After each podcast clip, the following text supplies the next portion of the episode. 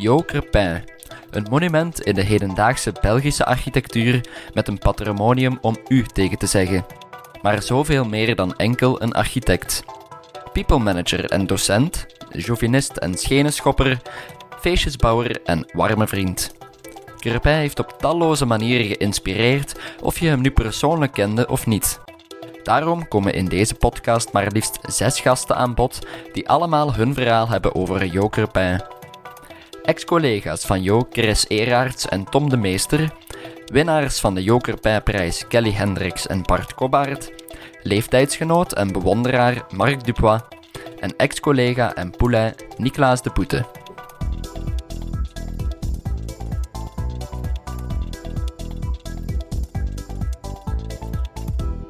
Welkom bij de podcast van architectura.be. Voor we van wal steken, nog een dankjewel aan onze structurele podcastpartners. Reinaars Aluminium, de specialist in innovatieve en duurzame aluminiumoplossingen. Van der Zande, het mooiste maak je samen. Assiver, verzekeringsmakelaar gespecialiseerd in polissen voor architecten en ingenieurs. En tenslotte All Colors of Communication, communicatiepartner gepassioneerd door technologie, bouw en HR. Rick Neven, zaakvoerder van redactiebureau Palendroom, nam het interview af. Mijn naam is Stef Pennemans. Ik stond in voor de opnames, montage en voice-over.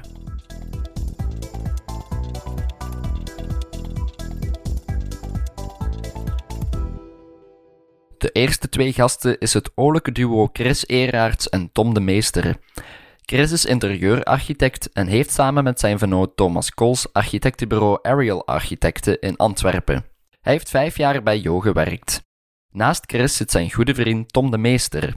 Hij heeft samen met Tine Vliegen architectenbureau De Meester Vliegen. Hij werkte zeven jaar voor Jo. Op een eigen vraag gaven we Chris en Tom de primeur van onze podcast.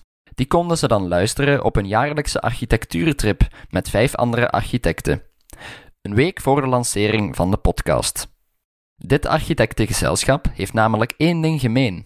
Ze hebben allemaal bij Jo Crepin gewerkt. Dit jaar trok de vriendengroep naar Berlijn en in het busje werd de podcast beluisterd.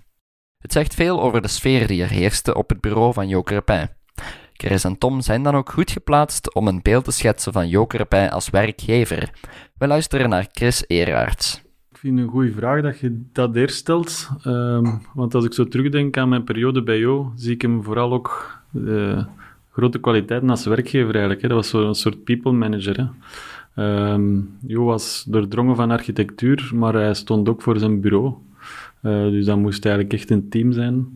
Um, ik was eigenlijk een vrij timide, goedgezinde jongen toen dat ik daar begon. En ik heb daar uh, ja, mij, helemaal volledig kunnen ontplooien eigenlijk. Hè. Ik ben dan, uh, ja, zoals Tom ook uitgegroeid, een soort architectuurbeest dat daarvan doordrongen is. En dat ook de ambitie stelselmatig heeft gekregen om dan uw eigen ding te doen. Hè. Dat was de keerzijde. Hè. Jo liet, als je denk ik kwaliteiten had, liet hem u gaan en liet hem het ontstaan en groeien. Um, niet voor zijn eigen meerdere eer en glorie. Hij vond dat ook tof dat mensen wel, wel schitterden. De keerzijde is dat misschien anderen daar niet de kans toe gekregen hebben, natuurlijk. Um, maar ik zeg het, Jo was een people manager. Hè. Um, dat was de man, de man die toch wel door had dat uh, naast het harde werk er ook plezier moest zijn. Ik kwam ook op voor zijn mensen. Ja, ja, ja, ja. Uh, in, de, in de zin van tijdens een bespreking of gewoon algemeen? Dus ja, hij, verdedigde zijn mensen. En, ja, het was uh, niet iemand eh, die, die dan tijdens een bespreking zou zeggen en dat heb jij niet goed gedaan. Nee, dat heb ik nooit niet meegemaakt. Hij, was, mm -hmm. hij zette zich ook op één lijn natuurlijk. Ja, hij was Jo Crepin. Ja, anderzijds hadden we wel zo de, de keerzijde. Er waren zoveel dossiers in een ja. kantoor. Uh, je had een, ja, bij gevolg ook een beperkt aantal tijd per dossier en dat werd dan s'avonds eigenlijk werden er berichten of schetsjes in een soort signatair gestoken. Dat. Even tussendoor, de signataires. Wat zijn dat eigenlijk? Chris en Tom proberen het even helder en duidelijk uit te leggen. Wel, ja, ja. ik zal het proberen grafisch voor te stellen. Wij zijn als architect en dit, dit hopelijk zal, die zal zo denken van, ah ja. Ja, wel, dat is eigenlijk zo ehm, een gebundelde schrift met kartonnen tussen mapjes. met vaste tussenbladen. Voilà, en dan kun je zo die een boek half open doen, een papier tussen steken, het volgende kartonnen kunnen omplooien. Dat is eigenlijk een soort map waar dat je schetsen kunt insteken. De Het kwam er op- het tijd, het neer dat Jo was al weg, dat ze meesten kwamen en kwam pas terug op een bureau als de meesten al weg waren, tenzij je laat aan het werken waren. En je wou dingen vragen, Ja. de echt relevante dingen, niet de belachelijke, maar de dingen over een ontwerp waar je mee bezig wordt, over een klant of een budget.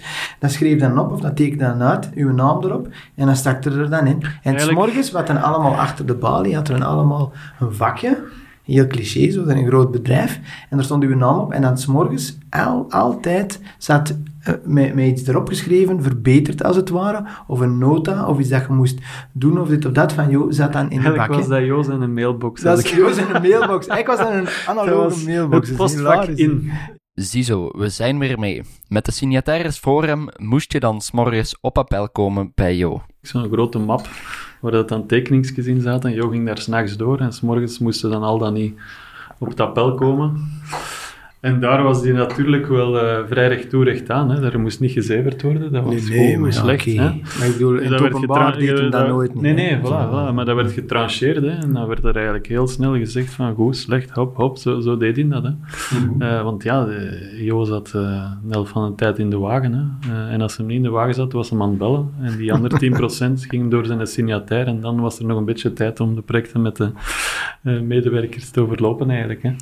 Eh, Dat is ik denk dat er wel een verschil zit tussen Tom en mij. Daarom is het ook niet verkeerd dat we hier alle twee zijn. Ik denk dat Tom op zich veel dichter eh, bij Jo heeft eh, gestaan. Ook in samenwerking, co-creatie met, met Ja, ik heb ook projecten. uiteindelijk eh, Jo, jo en B een eigen privé eh, gedaan. En dan na Jo zijn overlijden heb ik trouwens de privé van B ook nog opnieuw gedaan. Omdat Jo zo eh, ja, dat een beetje had eh, geregeld, laten we maar zeggen. Ja, ja, maar als, als dichtbij staan of niet, ehm, als wij daar samen werkten, er meer dan 70 mensen. Dus dat zijn eh, gigantische... allee, voor een architectuurbureau is dat heel veel volk. En het is wel zo dat, dat Chris en ik en nog een aantal... Van die 70 stonden die niet alle 70 even dicht bij jou. Hè. Had, die cirkel werd altijd maar kleiner. Je had een aantal teamleiders, vier, vijf mensen. En dan had je 15, 20 mensen die projectleider waren en die hem beter kenden. En ik heb dan het geluk gehad, inderdaad, ja, als iemand zijn privéwoning doet, of in het geval van, ja, dan zitten ze daar een paar jaar mee bezig en dan leren ze heel goed kennen. Maar ik denk dat de meeste mensen die bij jou gewerkt hebben en wel of toch zeker het gevoel hebben dat ze hem goed gekend hebben. Ook om wat je daar juist al zei, van het was altijd werken, het was hard werken, maar we deden ook wel eens iets anders dan werken op die een bureau. Dus dat was ook wel Ja, plezant. voilà, ja. De feestjes waren legendarisch. Ja, die waren redelijk... eh, zelfs bij veel Ja, ja. andere architectenbureaus was dat... Ja, bij Jo Crepin, maar ja... Nee, er was waren zo zo- bijzonder? De, je gaat zo elke maand, en, enfin, ik denk dat dat wel courant is, verjaardagsfeestjes. Ja. Dus dat waren alle jarigen die, maar je had zo keukens kunnen, een soort refter. Ehm, en eigenlijk was de sky dan de limit, hè. dus dat was een ganse dag voorbereiden. Kerstfeestjes werden er kerstbomen onderste bomen aan, onderste boven aan het plafond Iedereen hangen. probeerde er een ander altijd te overtreffen. kroonluchters en zo. Ehm, allee, dat we in een thema gegoten. En ja, ik moet zeggen, dat, dat was nooit niet erop gedaan, zo'n feestje eigenlijk. Hè. Er was ook een wijnkelder onder het kantoor. Met eh wereldvermaarde wijn die Jo zelf bottelde, met etiketten van een bureau. Oh, dat waren dan de Jo- klanten Jo- geschenken, maar eigenlijk diende dat ook om de medewerkers te laven. Eh, en dan op een gegeven moment zei je, oh bon man, ik kan slapen. Je weet de wijnkelder zijn. Maar ja, dat was, dat was de maandelijkse. Ja. Maar met kerstdag hadden we bijvoorbeeld het kerstfeest. ja, ja. Dat was niet zoals een afgehuurd zaaltje, dat was bij Jo in de loft boven. Ja. Dus dat was echt, ja, die loft die iedereen kent, hè, misschien toch een van zijn, ja, ja, vind ik toch, mooie realisaties, of mooiste realisaties. Ehm, ja, dat dakterras was fenomenaal. Er zaten 50 man met kerstavond, gewoon tot twee, drie uur s'nachts in zijn privéwoning, een gigantisch feest te bouwen. Dat zijn dingen die je eigenlijk vandaag de dag nog moeilijk kunt voorstellen. En dat was daar wel zo. gewoon, eh. In hoeverre was hij een atypische eh zaakvoerder van een architectenbureau?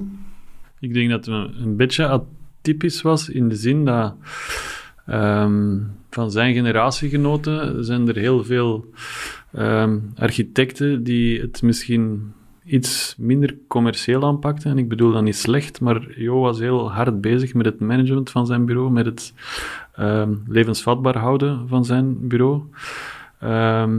En in die zin, ik ben er helemaal niet vies van, is dat op dat vlak toch wel een lichtend voorbeeld. Uh, ik denk dat dat gebeurd is zonder dat allemaal het fijne van te kennen en allemaal uit de doeken te doen. Dat is allemaal met vallen en opstaan gegroeid, zo'n kantoor. Je heeft mij ook eens verteld van dat zo'n cours de route met een aantal mensen begonnen zijn, dat dat dan terug uh, een beetje moeilijker gegaan is. En dan heeft hij die grote uh, groei gekend met zijn werven in Nederland en dergelijke. maar bon, hij was wel bezig met hoe moet ik die een bureau structureren. Ehm, en eigenlijk altijd voorbereid van wat als na mijn, na mijn, uh, uh, na mijn actieve carrière, wat dan met die bureau. Ik denk dat hem daar toch heel hard mee, mee bezig was. Het managen van zijn bureau was een van Joker Pijn's grote sterktes. Niet voor niets vernoemde architectenorganisatie NAV hun awards waarbij niet alleen naar de architectuur, maar ook naar het management gekeken wordt, naar Joker Pijn. Kelly Hendricks van Build Architects won met haar bureau de Joker Bijprijs voor startende beloftevol bedrijf in 2019. Een hele eer getuigt Kelly, net omdat de focus zo sterk ligt op het managen van het bureau. Niet toevallig nam Kelly dan ook veel over van Crepin in haar bureau Build. Met het winnen van die uh, Crepin-prijs, dus voor jong beloftevol uh, kantoor, uh, was ik heel um, tevreden met het feit dat ook naar het andere aspect van het kantoor gekeken werd, het zakelijke, uh, het professionele, de structuur, het management van het bureau. En in die zin denk ik dat we daar um, een heel mooi voorbeeld hebben aan de structuur en de organisatie van het kantoor van Jo Crepin, die dat als geen ander onder de knie had. Um, ik denk dat ik het even belangrijk vind. En um, iedereen bij ons op kantoor merkt ook um, dat het echt een, een vereiste is om uh, te werken naar een, een, structuur die goed werkt, georganiseerd is, netjes is. Maar hoewel er soms bij sommige mensen een beetje weerstand is in het begin, um, ziet iedereen meteen ook de voordelen. Vooral wanneer de mensen kunnen meebeslissen. Mm, want uh, we doen ook uh, elk half jaar evaluatiegesprekken. Maar die evaluatiegesprekken gaan nooit over de medewerker of de persoon uh, die bij ons werkt. Nooit. Het gaat altijd over het kantoor en over de organisatie en over mezelf. Dus ik vraag altijd om omgekeerd te evalueren. Ik wil weten van hun hoe het bureau uh, het doet, of we het goed doen, of er iets aangepast moet worden, wat er moet aangepast worden, hoe dat we dat samen kunnen doen en wat zij uh, vinden daar ja, verbeterd kan worden. Dus ik evalueer altijd omgekeerd. Wie ook veel bewondering heeft voor Jo en quasi parallel met hem heeft geleefd, is Marc Dubois.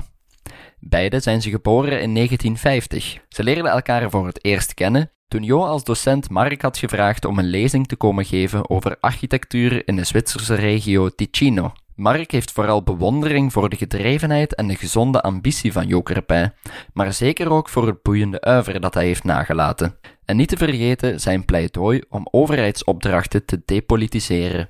Wel, ik zou zeggen, Jo is uh, een gedreven man altijd geweest. Hij is geboren in Brugge, dus heeft toch wel iets van West-Vlaamse roots, uh, een soort uh, gedrevenheid. Is dan opgegroeid in Antwerpen, heeft dan gestudeerd in het NIPS, aan de academie in Antwerpen. En hij studeert ongeveer dezelfde periode af. en moet zeggen, Jo is altijd zeer ambitieus geweest. Hè? Mij, als er één ambitieus van onze generatie was, die, dan is het Jo. Uh, hij kwam ook over als een zeer uh, bemiddelijke man. Uh, hij was eigenlijk iemand die mensen kon overtuigen. hij kon ook zijn zaak goed verkopen. Ik kon goed iets toelichting geven. Uh, zijn projecten waren altijd goed verzorgd. Dus uh, had heel veel kwaliteiten om onze generatie en ook dit soort, um, ja, wat we vaststelden, dat er eigenlijk ja, de generatie iets voor is met Bob Farid bijvoorbeeld. Hè, maar Jo uh, kon het echt niet verdragen dat uh, de ja, opdrachten voor grote publieke gebouwen te gepolitiseerd was. Het was eigenlijk een, uh, dat heb ik ook zelf met, in de jaren tachtig met de Stichting Architectuurmuseum ook uh, mijn schouders trachten onder te zetten. Ja, dat je, er is was een prachtige markt voor privéwoningen in Vlaanderen met prachtige tuinen en maar enzovoort. Maar publieke gebouwen waren eigenlijk vrij ondermaats. Door die soort politieke inmenging en je moest een politieke kaart hebben om aan de bak te komen. En daar heeft Jo absoluut uh, zich willen tegen verzetten. Hè. We hebben zelfs ook nog een soort algemene petitie van de jonge generatie gedaan. Uh, toen uh, het gebouw in Antwerpen aan de Singel werd gebouwd van, de van de PTT enzovoort. Dus we hebben ook in de media gekomen van een soort angry young man. Een soort en dat was Jo ook wel een beetje. Maar Angry, Jo was een zeer zachtaardig. Maar ik kon niet verdragen dat uh, het, de, de, architectuur werd bepaald door, door onkunde, laten we zeggen. Bart Kobaert van Denkstudio was ook de gast bij ons. Hij won met zijn bureau Denkstudio als eerste de Joker prijs als startend en beloftevol bedrijf.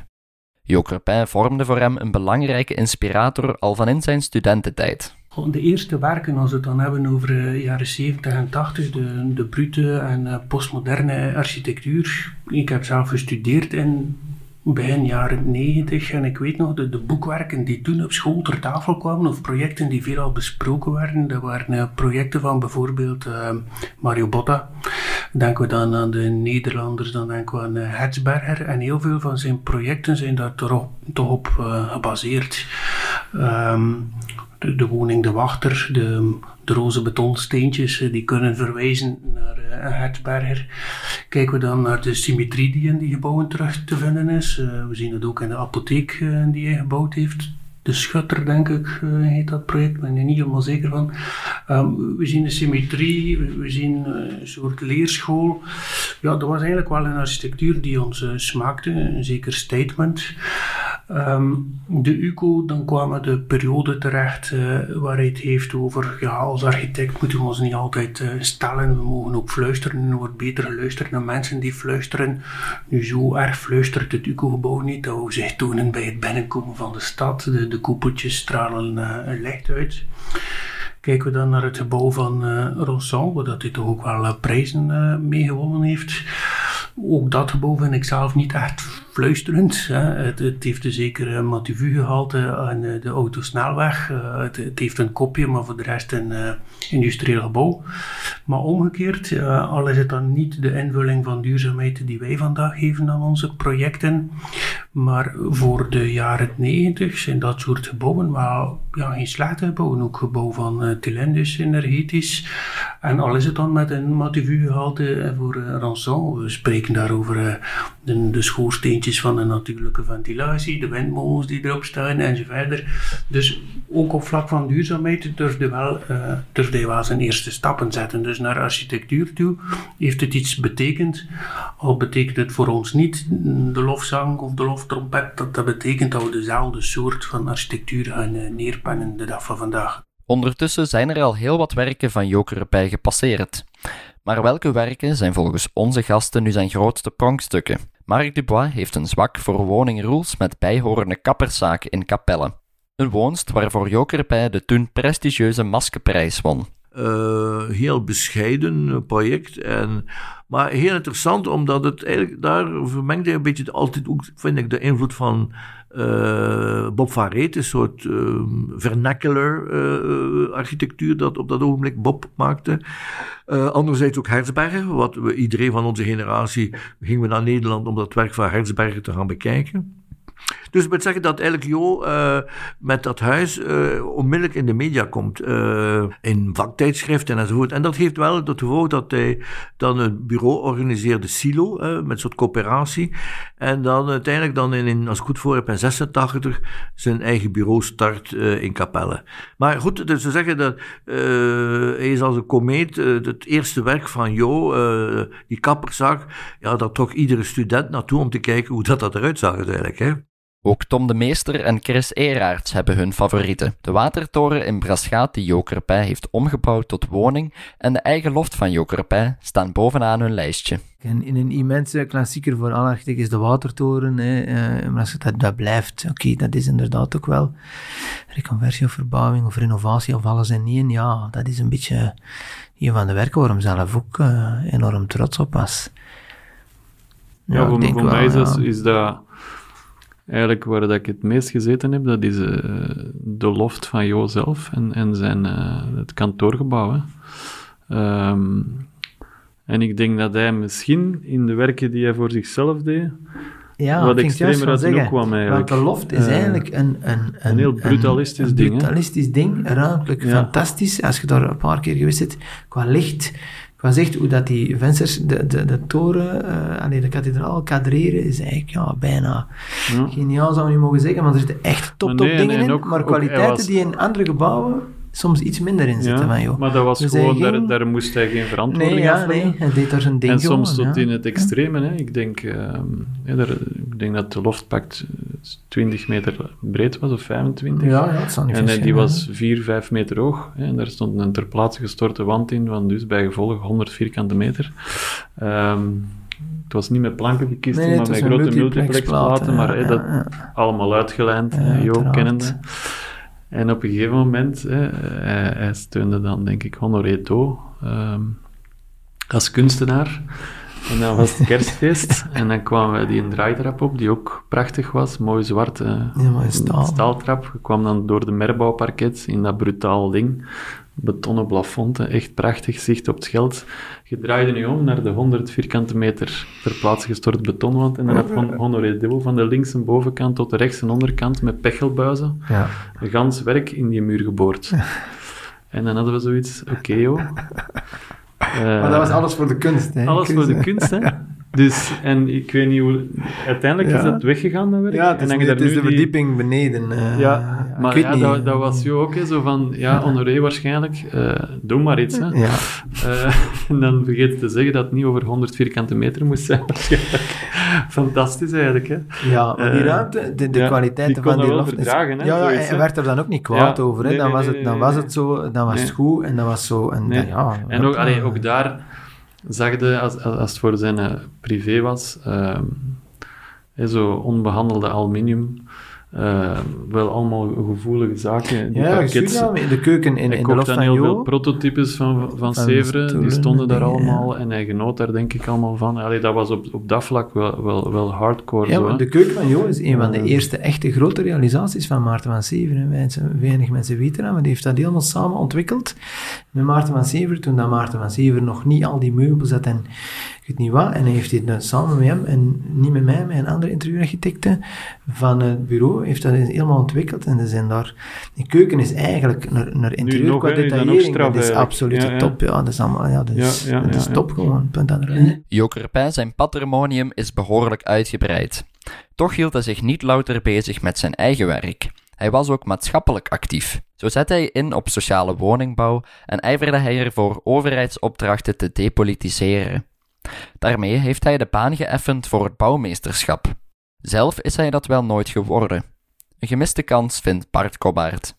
Ik denk dat hij goed bouwmeester eh, geweest zou zijn, omdat hij een stukje een eh, generalist was. Eh, als ik kijk naar de bouwmeesters die er vandaag geweest zijn, die hebben allen hun nut gehad. Maar eigenlijk kun je nagenoeg bij iedere bouwmeester een, ehm, een ondertitel neerpennen. Ik denk wel aan Leo van Broek, die heeft het uiteraard over het ruimtelijk rendement. Ehm, de mobiliteit, die een moeilijk vraagstuk blijkt te zijn, ehm, wordt vaak te snel vereenzelvigd met het wonen eh, in de toren. Kijken we naar Marcel Smets, die heeft dan een meer, eh, nog meer stedenbouwkundige inslag. Kijken we naar Erik Wiers, die zal het uiteraard hebben over eh, het, eh, het collectieve, het, eh, het samenhuizen. En Jo ja, op zich, die had het voor en, ja, daarnet, jonge mensen de kans eh, geven, het management en de architectuur. En het samenhouden van die drie, eh, het generalistische, is iets wat we vandaag nog bij weinig bouwmeesters hebben gezien. Niettemin moeten we wel zeggen dat heel wat bouwmeesters ook voor het vak hun best hebben gedaan om ook een eh, eerlijke verloning te kunnen krijgen, een, een andere visie op de stagiaire en zo verder. Ehm, het wedstrijdverhaal blijft een moeilijke. In, die zin, uh, Jo Crepin heeft een stukje het pad geëffend richting de bouwmeester, heeft een stukje het pad geëffend naar andersoortige opdrachten of, of toegang tot opdrachten. Um, het politieke moest uit uh, het opdrachtgeverschap, ons kent ons. Dus in dat opzicht was toen uh, het introduceren van wedstrijd een, een goed element. Maar oké, als je je kans niet krijgt, dan kun je het ook niet doen en vragen ze je niet terug. Dus uiteindelijk krijg je toch een stukje de weerbots van zijn ideeën rond de wedstrijd. Moet ook gevraagd worden. Kijken we vandaag naar wedstrijden, dan moeten we in eigen praktijk vaststellen. Um, gemiddeld doen we er een tiental per jaar. We hebben gelukkig niet het uh, slechtste traject afgelegd in het verleden. Het houdt ons heel scherp. We leven een stukje op adrenaline. We vinden het fantastisch fijn om zo'n wedstrijd te winnen. Dat betekent dat je er uiteraard ook uh, verliest. Maar um, in navolging en erkenning van een aantal bouwmeesters zou er toch wel wat mogen gebeuren aan uh, de aard van verloning, de aard van jurering enzovoort. Niettemin blijven wij met mijn studie toch tevreden dat er wedstrijden zijn, omdat het niveau van projecten er beter van wordt, omdat je scherp blijft in je architectuur. En in dat opzicht denk ik ja, dat ook de diverse elementen goed had weten te verenigen. Volgens Marc Dubois heeft Jokerbij mee het klimaat geschept voor de introductie van een Vlaamse bouwmeester, naar het voorbeeld van de Nederlandse bouwmeester. En ook Marc Dubois is ervan overtuigd dat Jokerbij een goed bouwmeester geweest zou zijn. Oh, dat denk ik wel. Ik denk het wel. Uh, dat hij dat zeer zou gedaan hebben. Want hij moet ook zeggen, in die periode voordien, voordat de bouwmeester was, heeft hij ook initiatief genomen voor de WISH-wedstrijden, voor de sociale huisvesting. Uh, omdat hij woonde in Capelle. En wie was dan, uh, ik was goed herinneren, minister Bugman. En heeft minister Bugman op sleeptouw kunnen trekken om die WISH-wedstrijden te laten organiseren in de jaren tachtig. Dus dat wil zeggen dat Jo uh, niet enkel deed voor zichzelf, uh, dat hij zich in komkom zat, nee, maar hij wou absoluut ook een, uh, een nieuw klimaat, architectuur in, in Vlaanderen creëren, waardoor jongere mensen en in, interessante bureaus, multidisciplinaire bureaus, meer werk zouden kunnen krijgen in, in Vlaanderen, laten we zeggen. Om zulke aardverschuivingen teweeg te brengen, moet je soms rebeld zijn. Bij de opening van de tentoonstelling in de Single zei hij ooit de dames, heren, ministers die de architectuurlakens uitdelen, zijn ofwel onvoorstelbaar dom, onvoorstelbaar onbekwaam, ofwel onvoorstelbaar corrupt. Bart Kobart apprecieert dat kantje wel. Uh, dus het rebelse kantje spreekt mij aan. Um, of dat dan altijd via het woord of via uw architectuur of via vakvereniging moet gebeuren, dat laat ik dan in het midden. Maar kijken we naar onze eigen projecten. We hebben het zelf eigenlijk nooit goed begrepen. Op 18 jaar trek je naar de architectuurschool.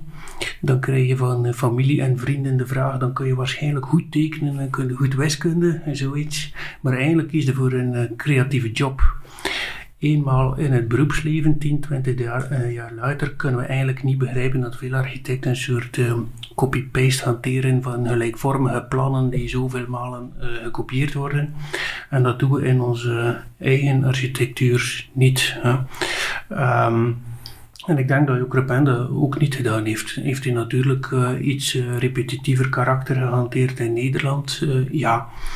Heeft hij hier en daar ook een keer buiten de lijntjes gekleurd? Een project dat we niet helemaal weten te smaken? Ja, maar dat is bij iedereen zo, denk ik. Maar ondanks Kerpijs rebelse kantje was hij ook voor veel mensen een zacht en warm persoon. Een man met een intrigerende persoonlijkheid en een aangename stem. Ja, zeker.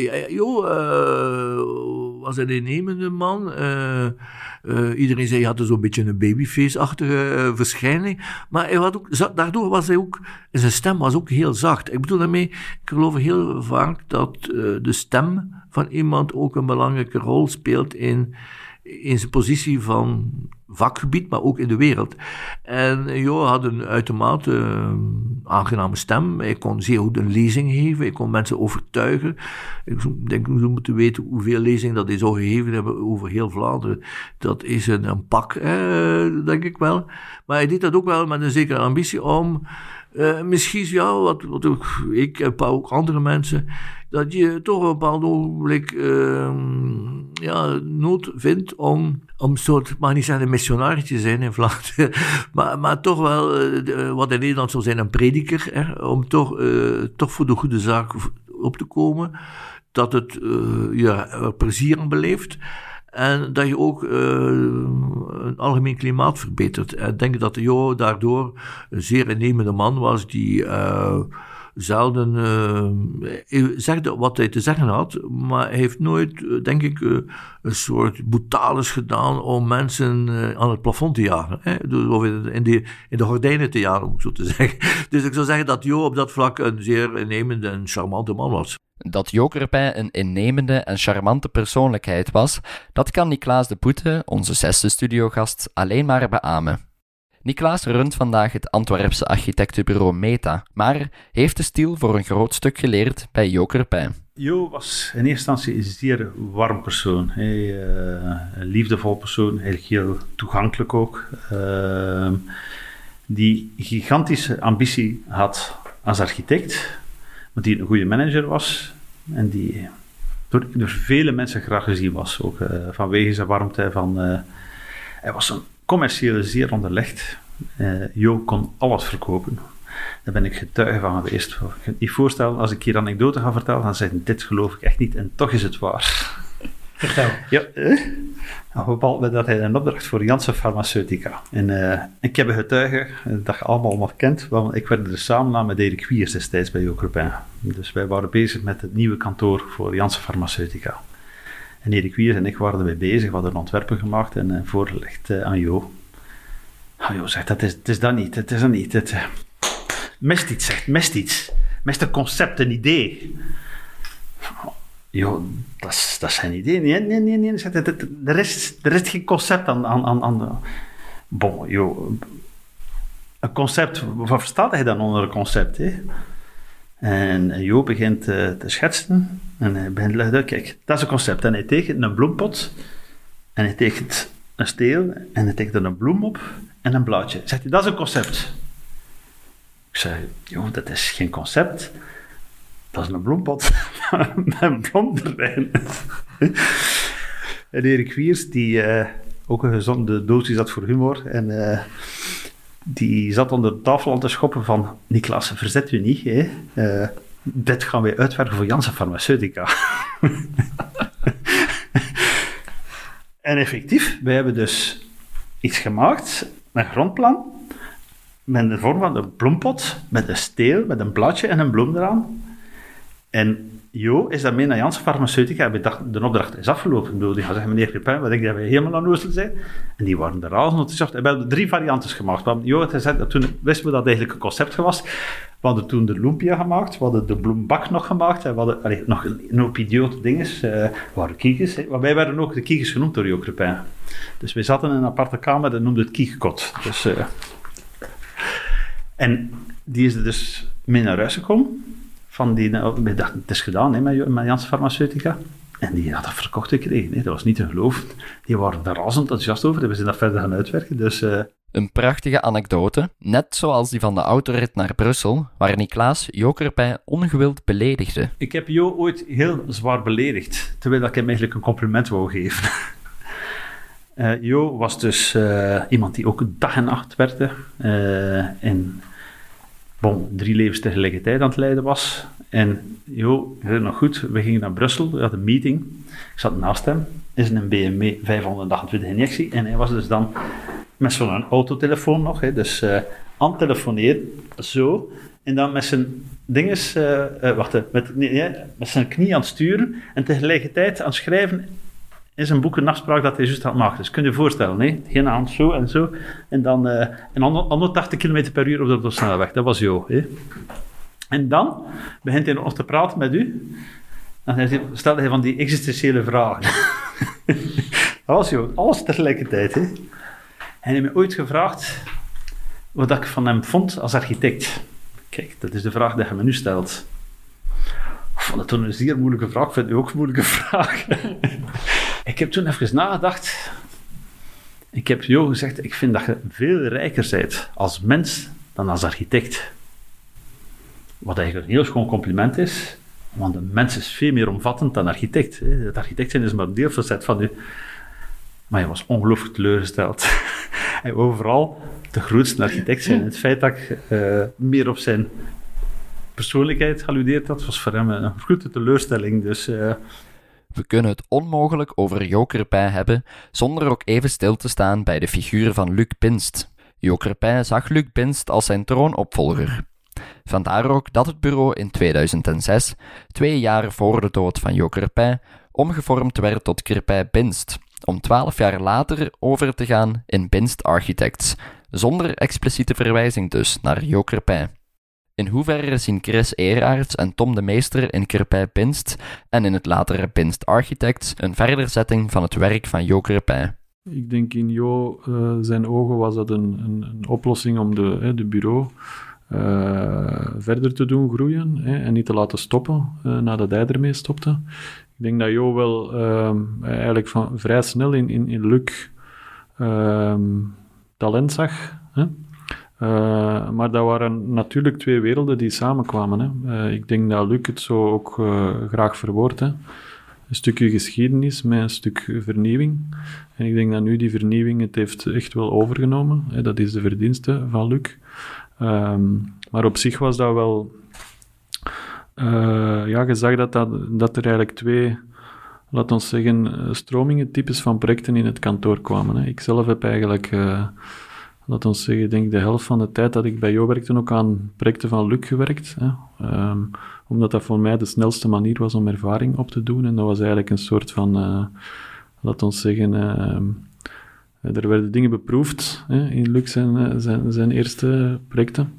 Uh, Jo zag dat aan en had zoiets, ja, laat dat allemaal maar groeien, om dan straks aan het grote werk te beginnen. Hè. En ik denk dat daar ja, een, een, overname is gebeurd en dat een bureau zich dan eigenlijk helemaal heeft terug moeten herschikken, zoals dat vaak bij een overname is. Um, ik kan alleen maar zeggen, als ik dat nu van buitenaf kijk, ik ken, ik ken, ik ken Luc ook wel goed, ja, dat de zaken wel perfect herschikt zijn geraakt. Hè. Uh, dat is nu helemaal doorgestart. Uh, in die zin ja, dat hij heel... in voetbaltermen uh, is Luc een spits oh, ja, en Jo een hele goede spelverdeler. Voilà. Allee, ik, denk dat, ik, ik, denk dat, ik, denk, ik denk dat Luc op de bureau ook een spelverdeler is. Hè. Maar, ja, maar, maar Luc maakt, laat ons zeggen, esthetisch gezien vele uh, straffere dingen. Of, of dat is zeker zijn betrachting eigenlijk. Terwijl Jo zoiets had van, dit is goed, dit is top, we gaan daarvoor. Uh, dus daar zaten, zitten, zitten en zaten wel verschillen. Hè. Maar ik, her, ik herinner mij dat Jo uh, een ontwerp dat Luc gemaakt had. Um, ik denk dat voor Unilijn, of ik weet het niet, voor een bedrijf dat een, een, een toonzaal van uh, afwerkingsmaterialen. En daar had Luc uh, zo'n strafconcept gemaakt. Uh, geschetst, die was helemaal doorgegaan. En dan denk ik dat de bouwer dat niet goed zat. En Jo vond dat onbegrijpelijk dat dat er niet was doorgekomen eigenlijk. Hè. En, en daar zag je wel van, oké, ja, die twee die die, die, die, die gaan er wel samen voor. Maar ik zeg het ja, hè, dus ik denk dat je, als je het naslagwerk van Jo bekijkt en je ziet straks het naslagwerk van Luc zijn werk, dat iedereen zijn eigen vleugels heeft weten uit te slaan. Hè. Maar dat is maar goed ook. Hè. Ook Marc Dubois volgde de transitie op de voet en hij vindt Binst Architects een geslaagde verderzetting. Wel, uh, laten we zeggen, uh, de werken van Jo uh, in Nederland zijn dus wel ja, zeer Nederlands. Maar daar ook vind ik geen, geen probleem mee. het was een, iets dat op een zeer korte tijd moet geproduceerd worden enzovoort. ik denk dat de, de, de zakelijkheid wat Binst nou, nu zeker uitstraalt, uiteindelijk dat verderzetting, wat dat Jo eigenlijk ook wel wou, het is dat een bureau professioneel moet gerund worden dat je dat niet moet overlaten aan prutsers, maar dat je eigenlijk als architectenbureau zoveel interessante mensen moet samenbrengen. Dus ik zou wel denken dat het, er zijn natuurlijk denk ik wel verschillen tussen het karakter van Binst en het karakter van Jo, maar goed, dat uh, is, elke mens is anders, laten we zeggen. Ondertussen heeft Luc Binst de link met Crepin doorgeknipt. Althans in de naamgeving, want vandaag heet het bureau dus enkel nog Binst. Wat vindt Bart Kobbaert van deze keuze? Ik ken Luc wel persoonlijk niet van op uh, café of restaurant gaan, hè, maar een keer een uh, jurering tegenkomen uh, tegenover elkaar, een aantal keer aan dezelfde zijde. Um, nu, ik denk dat Luc Binst uiteraard uh, Jo Crepin heeft gevonden, anders had hij ook de kans niet gekregen. Ik herinner mij Luc Binst nog... Um, van zijn eerste woningen, die eigenlijk toch wel uh, frisse eengezinswoning verschijningen waren. Ze hebben elkaar ook gevonden op het vlak van jonge mensen een kans geven en management een kans geven. Als je ziet wat er gebeurt, eigen kantoor, uh, grootschaliger, Belgische en ook weer Nederlandse markt. Dus in dat opzicht een kind van, zeker. Ik denk dat het correct is dat de naam Crepin lang in de titel van het bureau is blijven staan. Dat is een soort respect voor. De naam is gewijzigd. Ergens kan ik daar wel in komen. Op een dag wil je toch ergens een zekere weg tekenen. De onderleuze, uh, we willen een stukje het verleden loslaten en uh, naar de toekomst kijken. Daarom hoefde de naam niet te wijzen. denk ik, iedereen moet naar de toekomst kijken en dankbaar zijn voor zijn verleden. Um, nu, iedereen in het métier weet uh, waar het bureau vandaan komt, uiteraard. Dus uh, voor ons had de naam mogen blijven, maar ik vind dan zich ook niet verkeerd en ook niet onbegrijpbaar dat die gewijzigd is. Om af te sluiten vragen we onze gasten wat we nu echt moeten onthouden van het figuur Joker bij. Maar om te zeggen, maar als mens, en voor mij persoonlijk als mens en niet als architect. Wat dat geen afbreuk doen, maar als ik een van de twee moet kiezen, dan wel als mens. En ook omdat ik hem ook heel veel buiten de job of persoonlijk gekend en gezien heb. En dat was altijd toffe gesprekken. Was altijd van de wereld en hij was daar enorm mee bezig. Hoe dat andere mensen rondom, zich, rondom hem zich ook goed voelden. Dus als mens was dat eigenlijk een gouden kerel. Ja, bij mij is dat... Uh, ik zeg het omdat ik Jo uh, niet zo goed gekend heb als Tom, of niet zo heel persoonlijk, maar bij mij is dat onmiskenbaar uh, het kantoor. Dus wat dat hem daar, dat team, de mensen die dat ik daar heb leren kennen. En uh, laat ons zeggen, het streven naar goede architectuur, het hard werken. Ik denk dat dat daar toch een klein beetje is blijven hangen. Ik, um, en dat is ja, een grote verdienste, punt. Marc Dubois sluit af met een allesomvattende analyse. Dat hij een aantal gebouwen gezet heeft die toch tot het geheel behoren van de, van de architectuur in Vlaanderen die belangrijk zijn. Uh, uh, dat uh, hij een rol gespeeld heeft om de, het klimaat, het Vlaams klimaat te, te, verbeteren. Maar van gebouwen zijn er toch nog een aantal die, die toch wel, dat ik er iets vertelde, per rançon op dingen, zo, die altijd in het oog springen. Want laten we zeggen, de, de, het UCO-gebouw er zijn ook nog een aantal andere zaken die op verschillende andere plaatsen staan in Antwerpen. Maar goed, hij is iemand die, die wilde bouwen. Het is niet een theoreticus, hij wou absoluut bouwen. En daardoor heeft hij ook de grote kans gegrepen om in Nederland aan de bak te komen en, niet enkel in Vlaanderen. Zo, we zijn aan het einde gekomen van deze podcast over Joker Pijn. Wij danken onze praatgasten Marc Dubois, Tom de Meester en Chris Eraerts, Kelly Hendricks, Niklaas de Boete en Bart Kobbaert voor hun mooie verhalen over Jokerpij. Hopelijk heeft u genoten van deze podcast. Rick Neven, zaakvoerder van Palindroom, stond in voor het interview. Mijn naam is Stef Pennemans. Ik stond in voor de opnames, montage en voice-over fragmenten. Ten slotte bedanken we onze structurele podcastpartners. Assiver, verzekeringsmakelaar gespecialiseerd in polissen voor architecten en ingenieurs. Van der Zande, het mooiste maak je samen. Reinaars Aluminium, de specialist in innovatieve en duurzame aluminiumoplossingen. En All Colors of Communication, communicatiepartner gepassioneerd door technologie, bouw en HR. Ben je geïnteresseerd in meer nieuws over bouw en architectuur? Beluister dan zeker ook onze andere podcasts op architectura.be. Tot horens!